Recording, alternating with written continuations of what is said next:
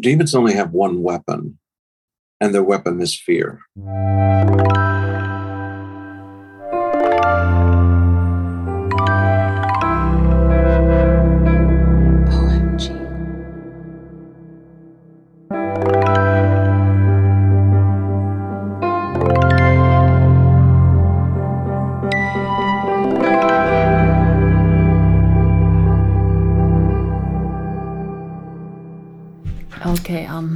Har vi da kommet fram til en episode med en ytterligere en kristen person Mm. som skiller seg ganske mye åt fra Martin Mm. som vi hadde forrige uke. Um, Back. Yes. Hvordan fikk vi tak på Back? Buck han ble jeg oppmerksom på via en person som jeg kjenner ganske godt, som ser en del på sånne kristne TV-kanaler. Just det. Eh, og Buck er en såkalt profet. Altså som har en gave å kunne si noe om eh, en situasjon ut ifra eh, hva på en måte Gud tenker om situasjonen. Og sånn, Kan man si det? Ja. Så det, liksom, han er jo ikke en synsk person, sånn som Anna Vena. Nei. Men han er en person som på en måte hører fra Gud da, og kommer med et budskap på vegne av Gud. Om menneskeligheten i samtiden. Ja. Ja. Det er noe tidsaktuelt da, Ja. som menneskene bør vite noe For han berättar jo noen gång, eh, han, han definierar forskjellen mellom å, være, å komme med kunnskapens ord som er personlig tiltal Mm. en Som enskilda kanskje er litt individer. mer ja. Det er ikke den gåvan han har. Utan, ja. og, og vi har jo snakka litt grann om denne sesongen her. At den er på en måte en lys og lett og positiv sesong. Og det er jo sant for denne episoden også, men samtidig så er den kanskje litt Det er ting her som for meg kanskje på svensk kunne si er litt kronglete. ja, krångligt. Altså at det, det er ting vi snakker om med Buck som jeg merker at det trigger en del av mine gamle greier da, Mm. når det kommer til kristendommen. Mm. Det forstår jeg. Jeg tror at denne episoden kan være triggende for en del. Mm. Och det här har vi pratat lite grann om för att jag tyckte på sätt och vis att det var ganska förfriskande Ja. med samtalet med honom. Det betyder ju inte att det inte dyker upp eh, situationer där man vill ifrågasätta eller egentligen ställa kritiska frågor som vi inte gör i Mm. vårt program. Mm. Men jag tror att jag tänker att den typen av saker han säger som om de inte är sanna så kan det fortfarande vara intressant att tänka över Mm. Eh, hur verkligheten skulle vara om det är sant. Sant? Och på så sätt så är det, är det intressant. Mm. Og det er interessant å forstå mennesker som tenker på den måten Ja, i sig själv. ja precis. Det, Og att når man da lever i en, en sekulær eh, tid, og, ja, sant, så, så er det jo mange av de, de tingene han sier som på en måte, det er lett å si sånn, men dette er jo helt, det kan du ikke si. Han snakker om, om demoner og engler, og liksom hvordan man skal forholde seg til ulike typer demoner, eksempel. Mens for oss som har vokst opp i en åndelig fortelling, mm. så er jo disse tingene sånn, «Å ja, ok, ja, men si mer om det. Det er jo i seg selv ikke eh, hverken sjokkerende eller på en måte noe man vifter, vifter vekk. Da. Men det er kanskje det, også derfor det er triggende for meg. Fordi Ja. det er vanskelig for meg å bare ja, ja, men Fordi at det, er så mye av min historie som har vært så Jeg har vært så redd sant, for mange av disse tingene. Mm. Og går det an å leve i verden og slippe å forholde seg til engler og demoner? liksom? Mm. Men spøk er jo veldig konstruktiv. Eh, så det er jo noe av det fine med dette. Han går helt dit. og så tar vi den fra. Ja, og han er jo også på mange sett og vis varm. Absolutt. Så, og, og vil jo unnvike å si saker som kan skremme mennesker eller vara, eller var stötande Mm. för personer. Så han, på mange sätt så kommer han ju fram til liknande typer av slutsatser som många av dem vi pratat med tidligere. Att, Mm. att det viktigaste är att hålla sitt fokus på det gode. Sant. Og legge sin energi der. Og det er jo veldig spennende. Det er det. Ska vi lyssna Yes. Håll i er. Vi gjør det.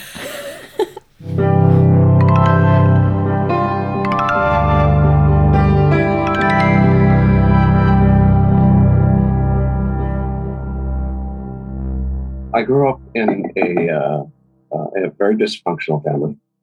Um, I grew up in a cowboy home in in Arizona. Um, I come out. My family comes out of a, an alcoholic background, and but when I was ten years old, I had an encounter with God. My grandmother had uh, an Anglican Book of Common Prayer that she was getting rid of. I asked if I could have it.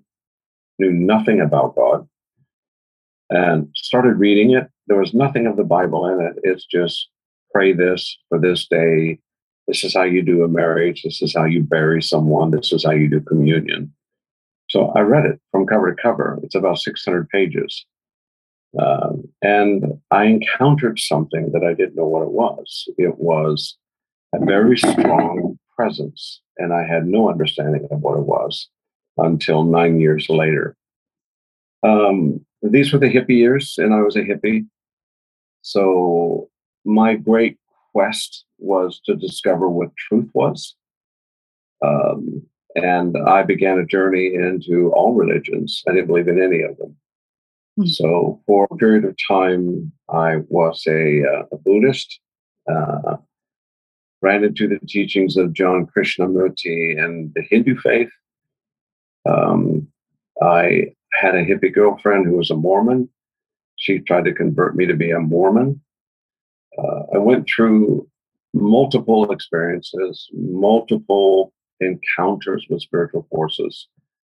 Um, and by the age of 19, I had pretty much lived life and didn't know if I wanted to live anymore.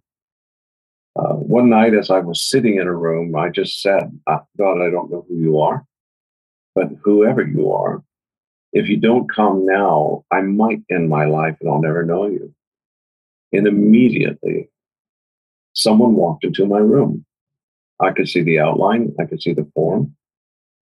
And he spoke, um, not in words that I could hear on the outside, but in words that shook every core of the inside of me.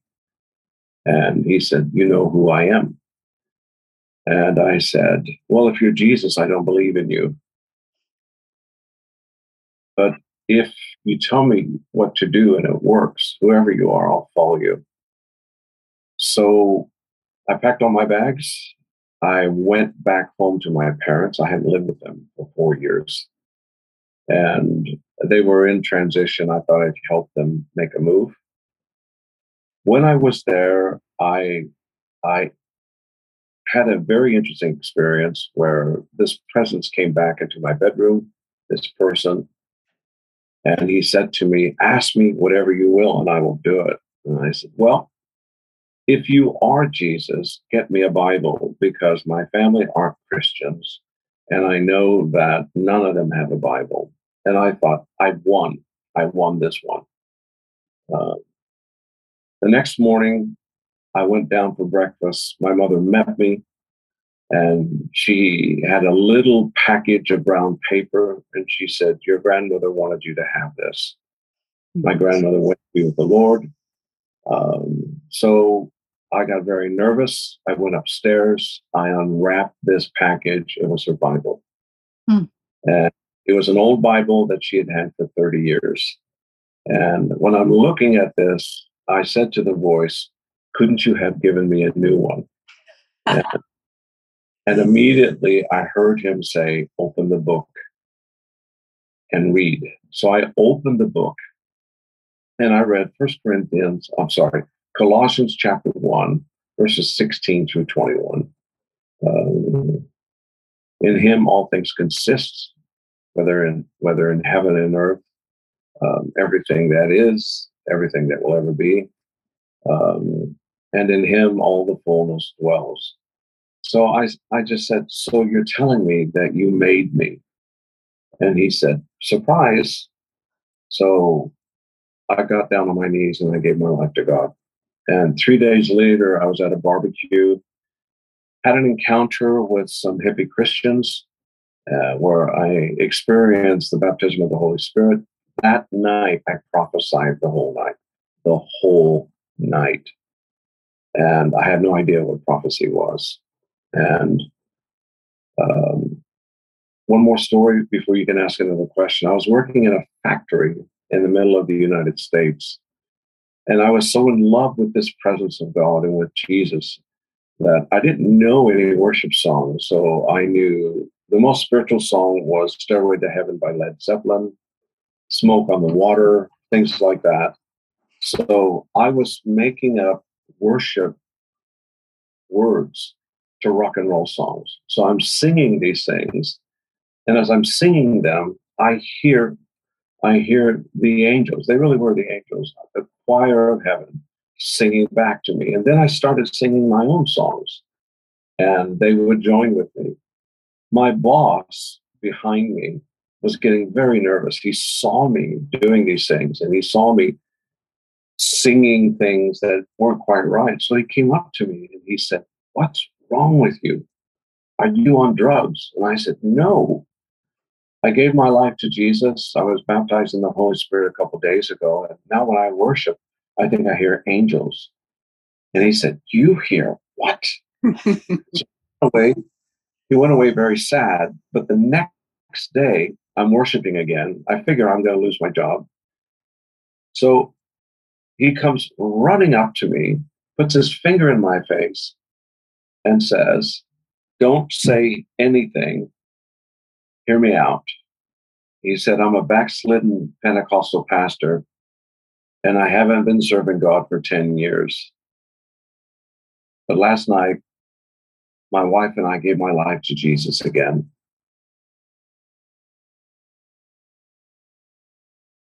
Hmm. Wow. So there's so many questions. Yeah, this is so interesting.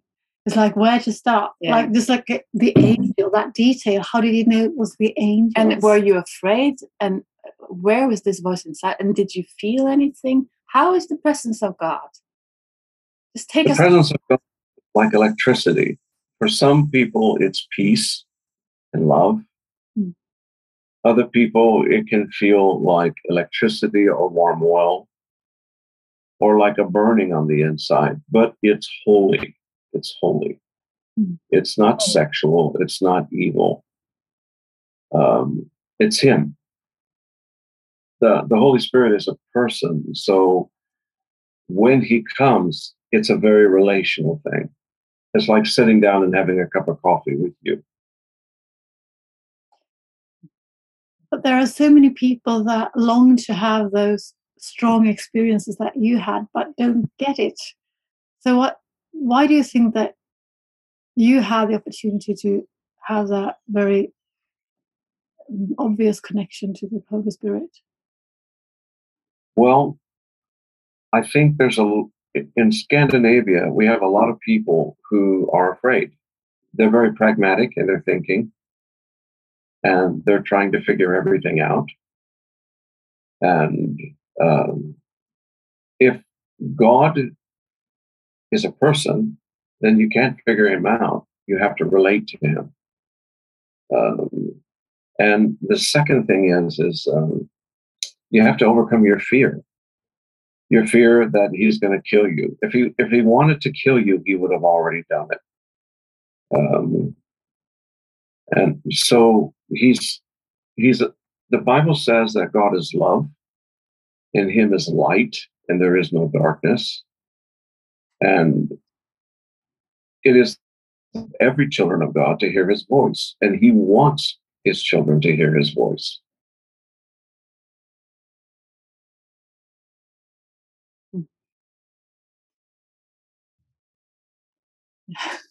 so I guess um, you know we we we also come from a Christian background, me and um, and um, one of the things that have been kind of scary for me with the Christianity is the thought that God is, you know, coming back and judging the world, and the the panic that my friends would not be, you know, believing the right thing, so God would condemn them.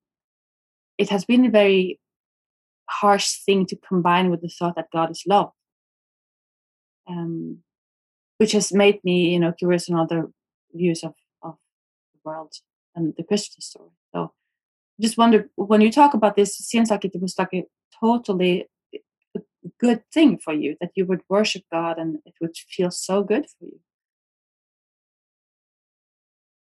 Well, because many people don't know the Bible, they assume certain things. They assumed that because of their lifestyles that they are condemned by God. Actually, the truth is is that we're all condemned by God. We all are. The, the Bible says that we're all worthy of death, we're all worthy of hell. However, Jesus came and he took our sin. When he took our sin, he took that judgment away. So when we relate to him, we God doesn't see us as we are. He sees us through Jesus. He sees us as we will be at the end of time. See, it works like this God is outside of time, He knows the end of everything. So He sees us as we will always be. And if we're in Christ, it doesn't mean that we can keep sinning. It just means that there's no condemnation, none, zero. So if there's no condemnation, then we can live in peace and enjoy and enjoy life.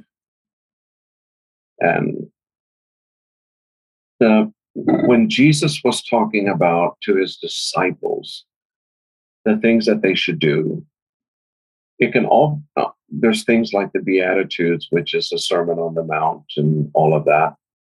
Basically, if you look at that, it's all summed up in two words do good. That's the basic teaching of Jesus do good. But you can't do good by yourself. You have to have Him living in you. And I found that out. So I have a great life. I enjoy life.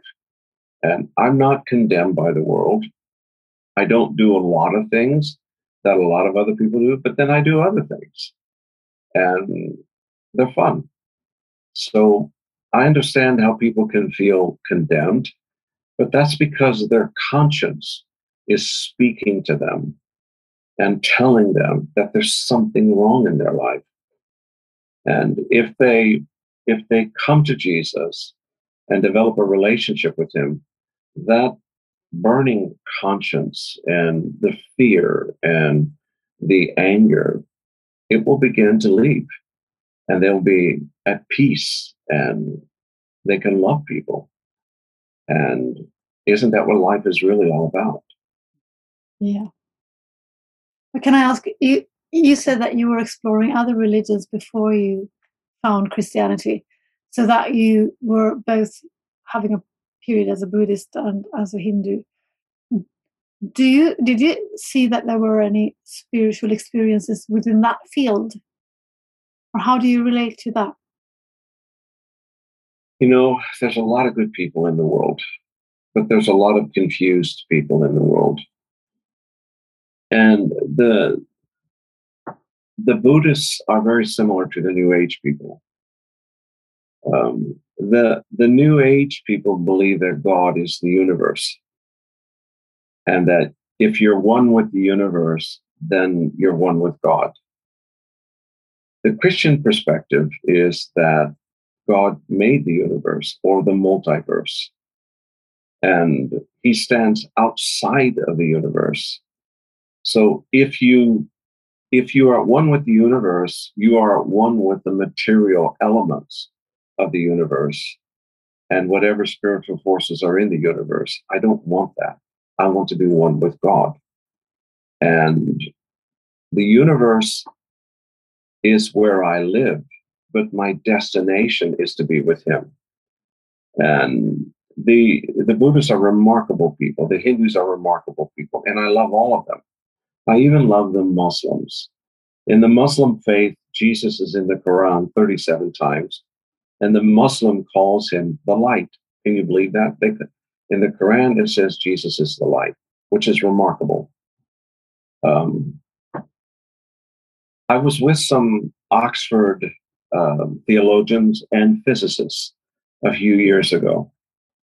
The physicists had they had a, a difficult problem they had looked at um, quantum theories and mechanics. And when you study quantum theory, all the rules of mathematics no longer apply because quantum theory, there are things that defy mathematics. And when they ran their models on their supercomputers, they kept getting the same thing that there was something beyond. Um, so they came to the theologians and they said, Can you help us here? Uh, and my friends, who are remarkable theologians, said, Well, tell us what it is that you found. And they said, Our supercomputers are telling us that outside of the universe are, are three bands, three like ropes, three bands, and that they exist outside of the universe and outside of the multiverse. Do you have any idea what these are? And the theologian said, I think I can help you with that. And then they said, Our computer models, now I'm not making this up, they said, Our computer models have told us that two of these bands touched each other, and then all of the known universe and multiverse materially came into existence. So the theologian said, Well, we understand quantum mechanics because we've gone to Oxford but we can tell you that from a Christian perspective, that's Trinity. And that Jesus is the Word. He spoke the Word, and the Spirit created, the Holy Spirit created everything. And so they had a dialogue for three days, which I was able to hear and participate in. I am not, I am not a doctor in theology. I'm I'm just a humble preacher, teacher. And but they allowed me to sit in and it was a fascinating conversation. Um, com- communication about what is dark dark matter, a God particle, and um, how does this all fit together into theology? It fits perfectly if you believe in intelligent design. If you don't believe in intelligent design, I'm not going to argue with you. I would just say, look at the facts, study the research, draw your own conclusions. So I think when people are searching, especially in the New Age arena, who I love deeply, deeply, deeply, there's more.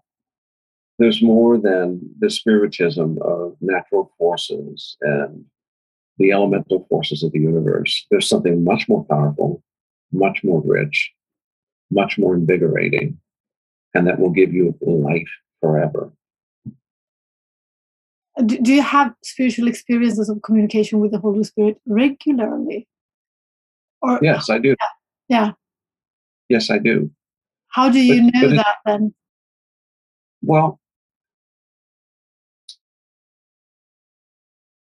let me say it like this every mother knows the sound of her baby's cry. Yeah. Um, every every mother knows the sound of her child on the play on the playground. Um, why? Because they're in a relationship, and in that relationship, you hear, you recognize, and you respond. It's the same way with God. You hear, you recognize, and you respond. See, the, this part of it is that we have expectations that if he speaks, it's going to be like lightning and it's going to blast us. And there's a very interesting story in the Old Testament about the prophet Elijah who called fire down from heaven to consume the sacrifice. He killed a lot of people, the priests of Baal. The queen at that time wanted his life, so he ran from the north of Israel to basically uh, the Sinai, where God gave Moses the Ten Commandments, which is Egypt. He ran, he didn't stop. He went into a cave to hide. And God brought an earthquake, he wasn't there. God brought a tornado, he wasn't there. But then there was a very, very soft, still voice. And the voice was, What are you doing here? And Elijah gave all kinds of excuses. Well, I did this and I did that, and people didn't respond, and I was rejected, and I feel betrayed. That's really what he's saying. And I don't want to do this anymore. And God said to him, Just come out of the cave and get back into life again. That's what he said. That's God. when you hear the voice of God, it's not your conscience, it's not the devil. If it's your conscience, you'll know it because your conscience will basically it will condemn you or it will speak things to you that you already know. The devil will always accuse you, always accuse you. I, I think it's important for you people to remember this. The devil doesn't know your future, he knows your past. God knows your past, but he's more concerned about your future. And so he won't condemn you of your past, he'll forgive you for it. But he knows your future and he can speak to you about your future. The devil can't. The devil will only say, it will always be like this. You're not any good. So when you hear the voice of God, it works like this He never says what you want him to say. He will never do what you ask him to do. He will do what he wants to do and what he says. But he's for you always. Hmm. It sounds very safe with a relationship to God. But it's also interesting because you say that you talk about the devil, Mm.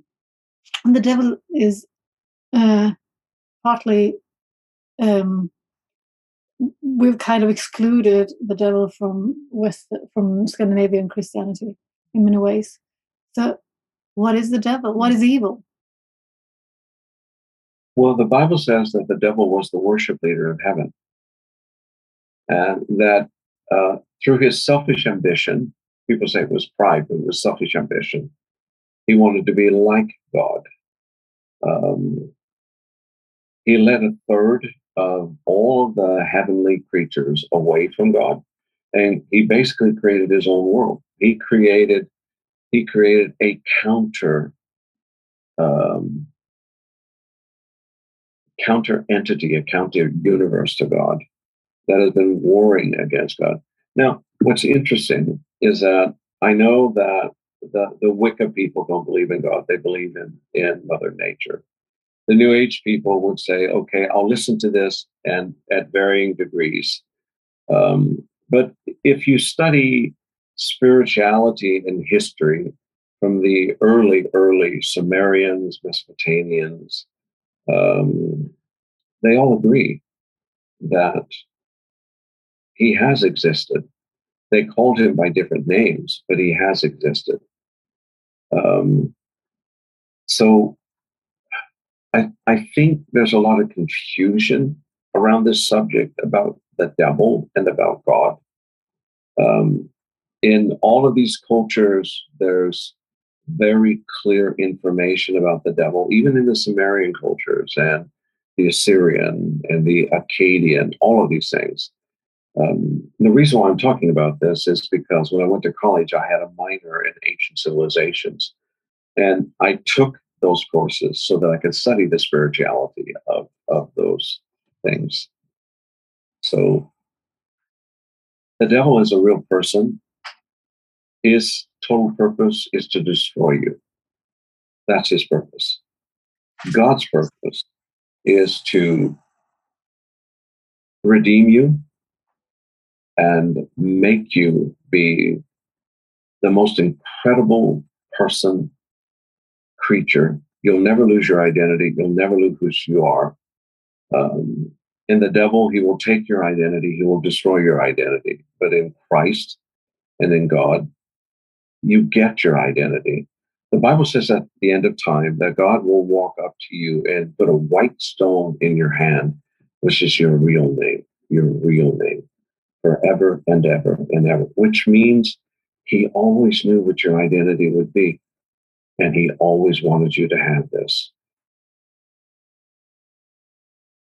Do you have any personal experiences with? I mean, do you see spiritual worlds? Do you feel it? Well, yes, I do. Um, yeah. Can you also see like evil spirits? of course. Yeah. Uh, I don't want to, but if they manifest, I can see them. Um, please forgive me, but the but Jesus said to to his disciples that all authority in heaven and earth was given to him, and he gave it to us. Hmm. And immediately he said, You will cast out devils. So that means that for the Christian that's in relationship with God, there is no demon that can overpower them. Now, it, it means that you have authority over them. Now, there are other things like principalities and powers, which are demonic angels that you can't. You can ask God to deal with them, and He will, but you cannot deal with them because you've not been given the right. But yes, I, I think there are six ways that you can hear God. You you can hear Him. Um, you can see things like pictures, um, or some people have like videos on their mind that are from the Holy Spirit, not from um, someone from a different cosmic dimension. Um, you can um, feel God. The Holy Spirit is a real person. There's probably 30 or 40 different ways that you can feel the Holy Spirit. And God is love. They're all good, not bad. Um, you can have impressions on the inside where you know that you know that you know that you know that you know that this is what you have to do. And that's the Holy Spirit internally leading you. Um, you um, you have dreams. Uh, that there's books and books and books about dreams, and books and books and books about dream interpretation. Um, I've read them. Um, some of them are helpful, some of them are confusing. It basically comes down to two things. There's only two types of dreams. There's a God dream and there's a pizza dream. a pizza a pizza dream is from eating bad food, and that's where you get scary monsters and sexual things and all of that. A God dream is is not scary, but it can be very holy. And God will use images that you know and that he's connecting to to help you. A God dream is 40 years later, you remember it like it happened last night. It doesn't leave you, it's there. And a God dream is very interesting because the Bible says that all God dreams are warnings, but not all warnings are bad. Mm-hmm. Um, Joseph had a dream to take Jesus into Egypt because the king at that time wanted to kill him. And then he had another dream to take him back um, to Israel. And um, numerous people that had dreams in the Bible. Dreams are a healthy thing, God speaks through them. But some dreams, because of their source, are not helpful at all. So when I get crazy dreams, I just laugh. I just laugh you know, and I just go, well, that was an interesting one. What did I eat last night? And I go on.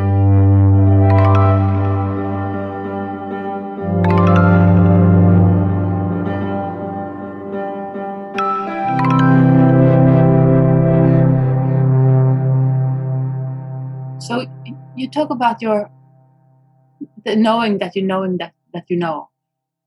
Um, we talk to people that have this inner knowing and then they don't call themselves Christians.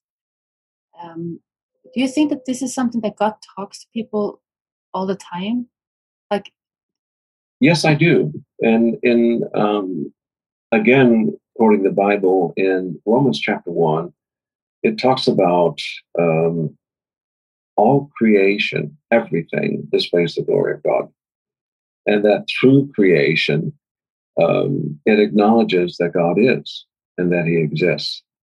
Not that nature is God, but nature reveals God from a Christian perspective. The the Holy see the way that it originally was. Forgive me for a little bit of theology here, okay. but the way that it was from the very beginning of time, from a Christian perspective, and even from a Jewish perspective, when God made everything, um, he did not give authority to Adam to rule the earth. He gave authority to, to Adam to subject the earth, to plow it, to create buildings, to do everything that man is doing today. But the ruler of the earth was the Holy Spirit, and he was in the Garden of Eden. So the the original governor of this planet was the Holy Spirit.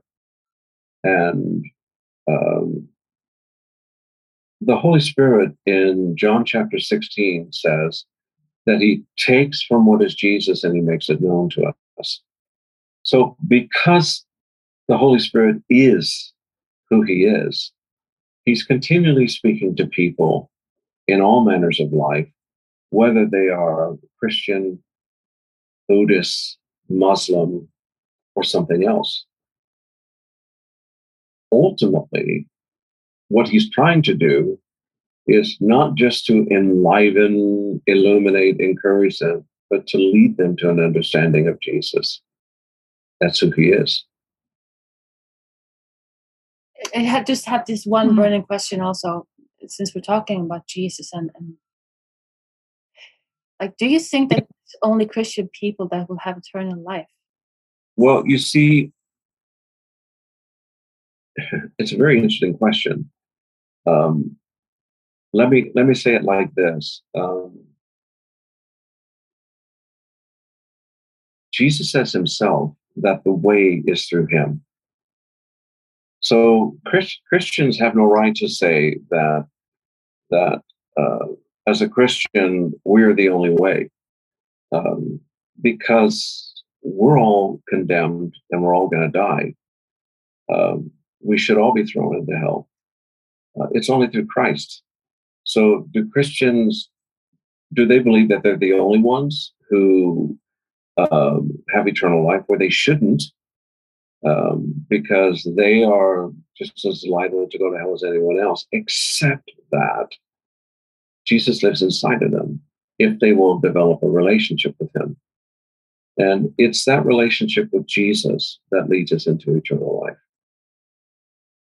So I didn't answer your question because I'm very sneaky, but I did answer it.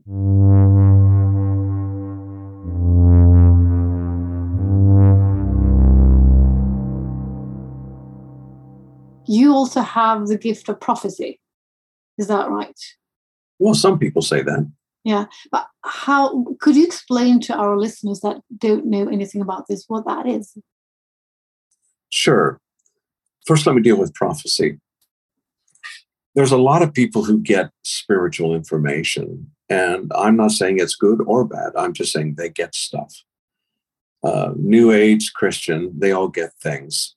Um, is some of it, some of it from the Holy Spirit? Yes. Some of it from other sources? Yes. Um, and that's not a condemning thing. It's just reality. Prophecy comes from the Holy Spirit. Prophecy is the revelation of Jesus himself. Um, there are 1,810 prophecies in the Bible. All of them are about the future, all of them. Now, there are other things where there's word of knowledge in the Old Testament that describes what's going on in people's life, what they've done. That's not prophecy, that's word of knowledge. Word of wisdom is the application of how to do something, like correct interpretation of the Bible or um, an illumination on how to do something that you could have never, ever figured out by yourself. That's word of wisdom. But prophecy is always about the future. So when people get their in, very interesting and good things, whether they see, whether they hear, whether they feel, um, most of it is in the realm of encouragement or illumination. And all of that is good. All of that is good. In the Christian churches, we would say this anything that comes from the Holy Spirit that he initiates is prophetic. Prophetic means the source is from the Holy Spirit. But prophecy is about the future. So you said that when you had very early on, you had an entire evening where you were prophesizing. So what happened in you when that when that was happening? Well, that was a gift given by God. Um, and I I was so in love with him that I went with him in that gift. And that happened in 1973 and I've I've learned a lot made some mistakes, but learned a lot, learned what not to do with this. And um, prophecy, prophecy by God is it can be a warning, but it's not a warning to condemn. It's a warning to prepare, to build up, to direct. Um, and that's primarily what it should be. If, if prophecy is, is about what you're doing or what you've done and how it's bad, that's not prophecy, that's word of knowledge. And it's a very different thing. In the Bible, the, the only word the only person who uses Antichrist is John the Apostle. And he uses it seven times. Five times he uses the spirit of Antichrist. And only once does he refer to as, as an individual. The book of Revelation doesn't talk about the Antichrist, it talks about the beast and the false prophet. Paul doesn't talk about the Antichrist. He talks about the man of lawlessness. Even Jesus doesn't talk about the Antichrist. He talks about the devil, and he talks about um, the in Matthew 24, the one um, who stands in the place of God. Um, we're fighting against the spirit of Antichrist, which means anything that is against God anything that is trying to destroy people, anything that is trying to uh, throw down what love really is, is Antichrist. Um, and if we could understand that we're fighting against something that is trying to destroy all of us, then I think that would be much more harmonious in unity and in working together and stop pointing the finger. When people talk about the Antichrist, many times they are using it in the context of fear. Mm. He's coming, he's going to kill all of us. Well, the truth is, he already is. And it's the spirit, it's it's it's the enemy, it's the devil. And it's it's our responsibility in these days to push back the darkness, push back the darkness, push it back by loving each other, by caring for each other, by doing good. Whether you're a Christian or whether you're a Buddhist, do good. So, what is the current prophecy that you are seeing right now these days? Well, um, I, I, have a website, uh, a Facebook site called Prophet Talk that I don't talk about very much because um, you get all these people who are trying to put up false sites and get money off of people. So I don't promote it. I've been hacked and they went after people and asked for money in my name. So I'm very careful about these things. Um, but it's up there. And I do put what I hear from God.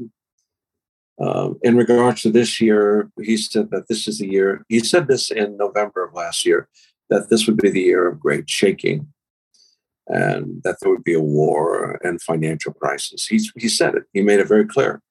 Now, why would he do that?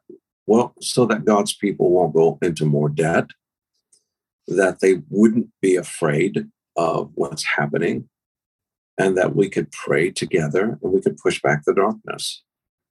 Um, it's very interesting when when Russia invaded the Ukraine. I, I was receiving two or three emails and texts that basically was saying, um, is this the end? Is Jesus coming? Um, is Putin the Antichrist? Um, will they invade Norway? Will Russia invade Norway? Will Russia invade Sweden? Um, what does God say about all of this? And here's the truth look at the facts. The facts are is that Russia has an economy that they on military they spend 46 billion dollars. Um, France itself spends 56 billion dollars, and Germany spends 48 billion dollars in military. China spends 712 billion dollars a year on military, And the United States spends over $1 trillion a year in military spending. So if you add all of the NATO countries together, um, Russia spends $46 billion and NATO spends together, the 30 countries, over a trillion dollars in military. Russia has some hundreds of planes, NATO has thousands. Russia has 6,000 nuclear weapons, NATO has 11,000. Russia doesn't have any aircraft carriers, NATO has 18. Even if Russia wanted to invade Norway, he'd have to go through the Arctic. Now, do you know what the cold does to cars alone and how difficult it is to go through the Arctic? So he doesn't have the ships to get there.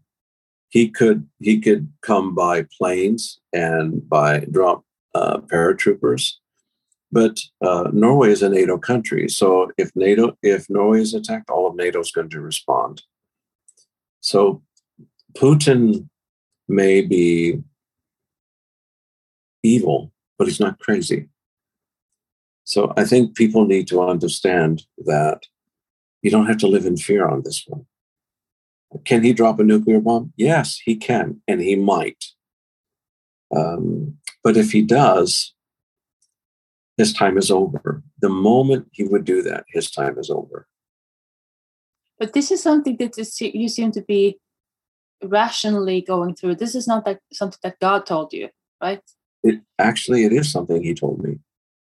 He told me he told me in November that um, this war was going to be of five nations, and that um, uh, it would not be a a very it would not be a long protracted struggle. And then he said, "Go look at the military statistics." That's what he told me to do. I had no idea, hmm. so I did all of that. Hmm. And so, what I'm telling you is what he told me. Um, so I'm I'm I'm not using human logic here. I heard it and I did it. Um, I'm just a simple preacher, and I'm not trying to to make something up. My job is to take away fear.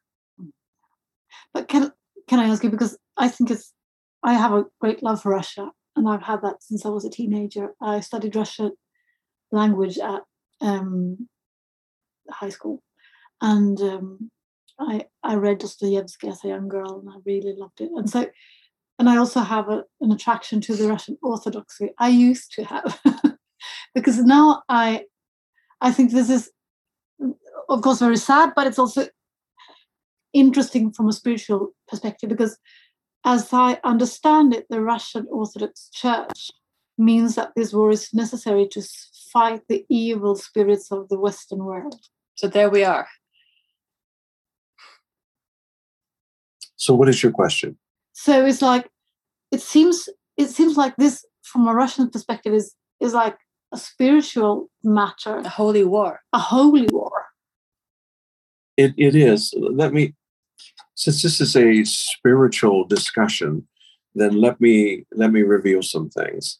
Yeah. Um, six years ago, in my prayers, God began to speak to me and said, He said this he said the enemy, the devil, has released has released um, six principalities upon the earth, um, who uh, job description is uh, confusion, chaos, and control.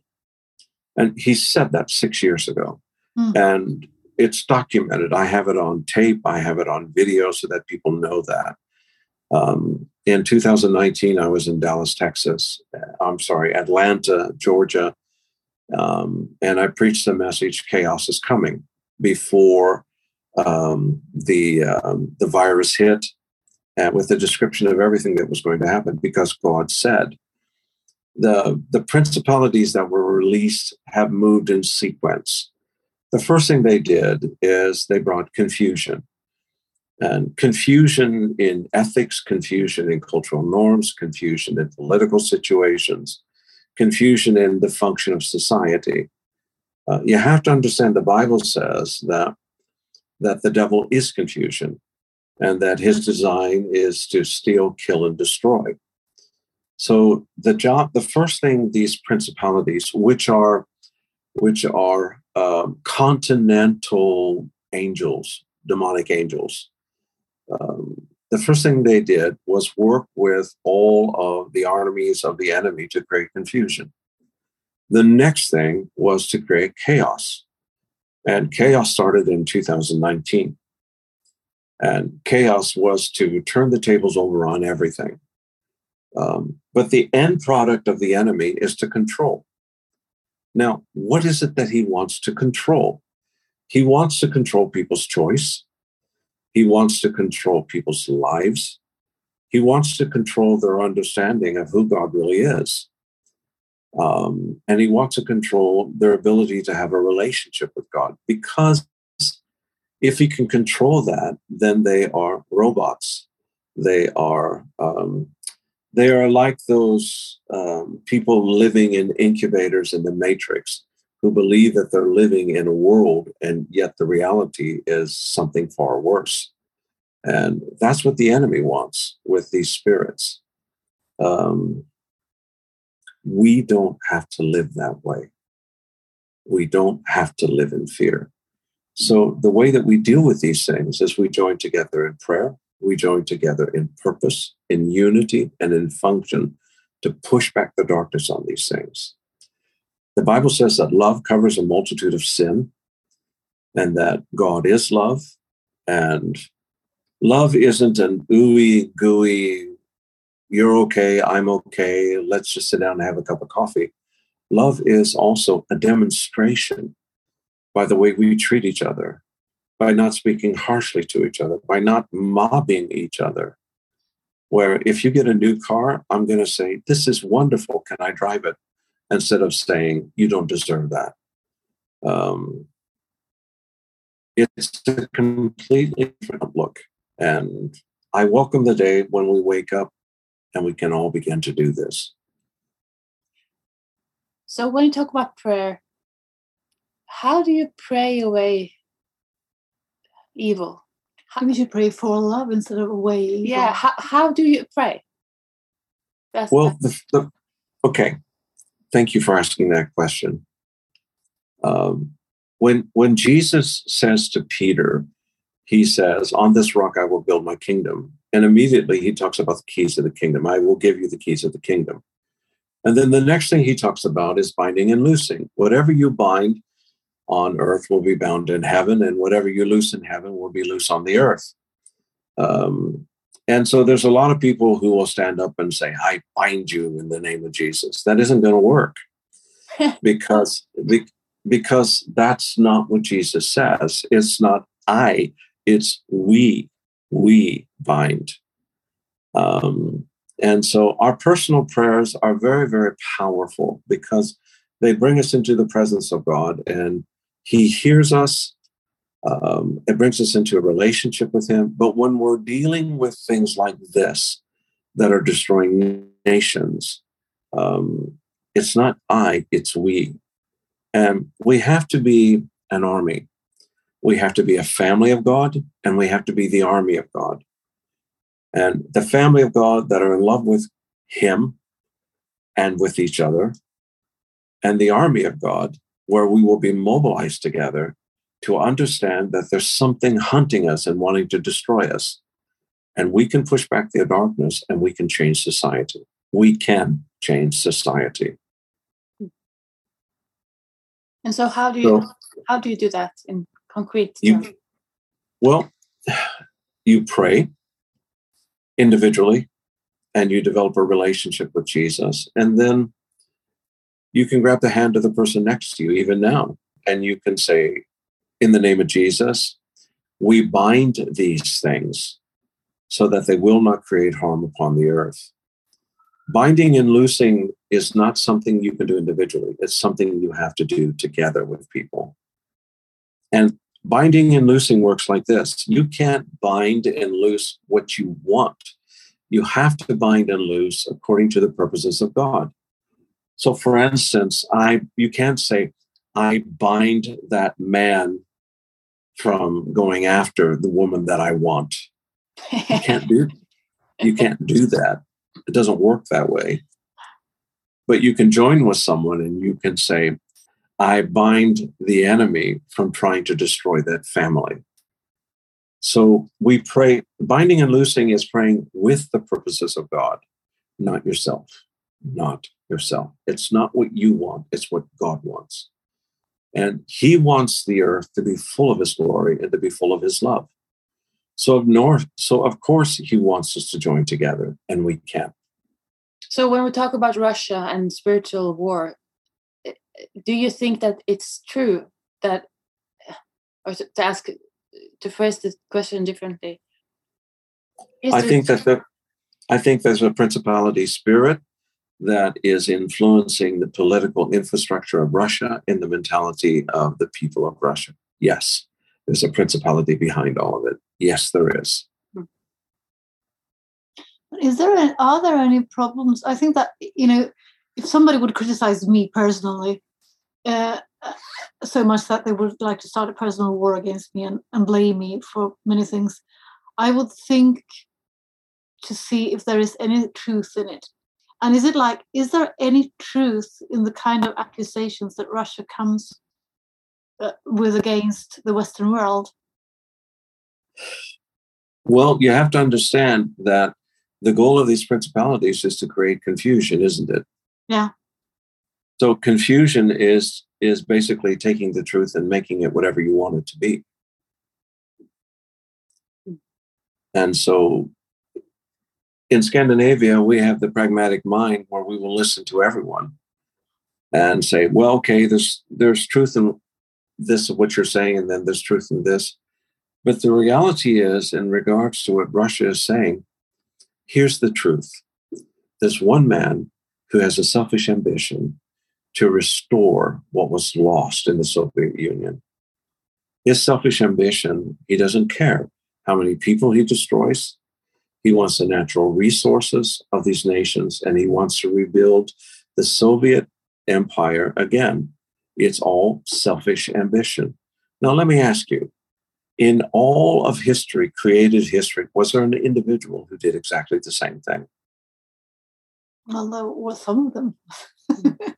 I mean, and, and his name is Lucifer, and he rose a rebellion against God. Hmm. So, am I saying that Putin is evil? You know what? I don't have the right to say that, but I do have the right to say that there's something that is trying to destroy him, that is trying to destroy Russia. And if they could, they, do, they would destroy worship. But there is something that is pushing back the darkness, and that's us. Mm. And if we join together in the name of Jesus, praying according to the will of God, he can't succeed. So you're uh, uh when we are praying against evil, do we pray against like against Putin? How how do you like? We we we pray against the strategy that he is trying to do. Mm-hmm we pray against we pray against the um, um, the resources that he is trying to bring together. We we we ask God um, if the enemy is bringing confusion upon Russia, blow that away, and speak to the Russian generals so that they won't kill the Ukrainian people. Because we were discussing yeah we were discussing yesterday like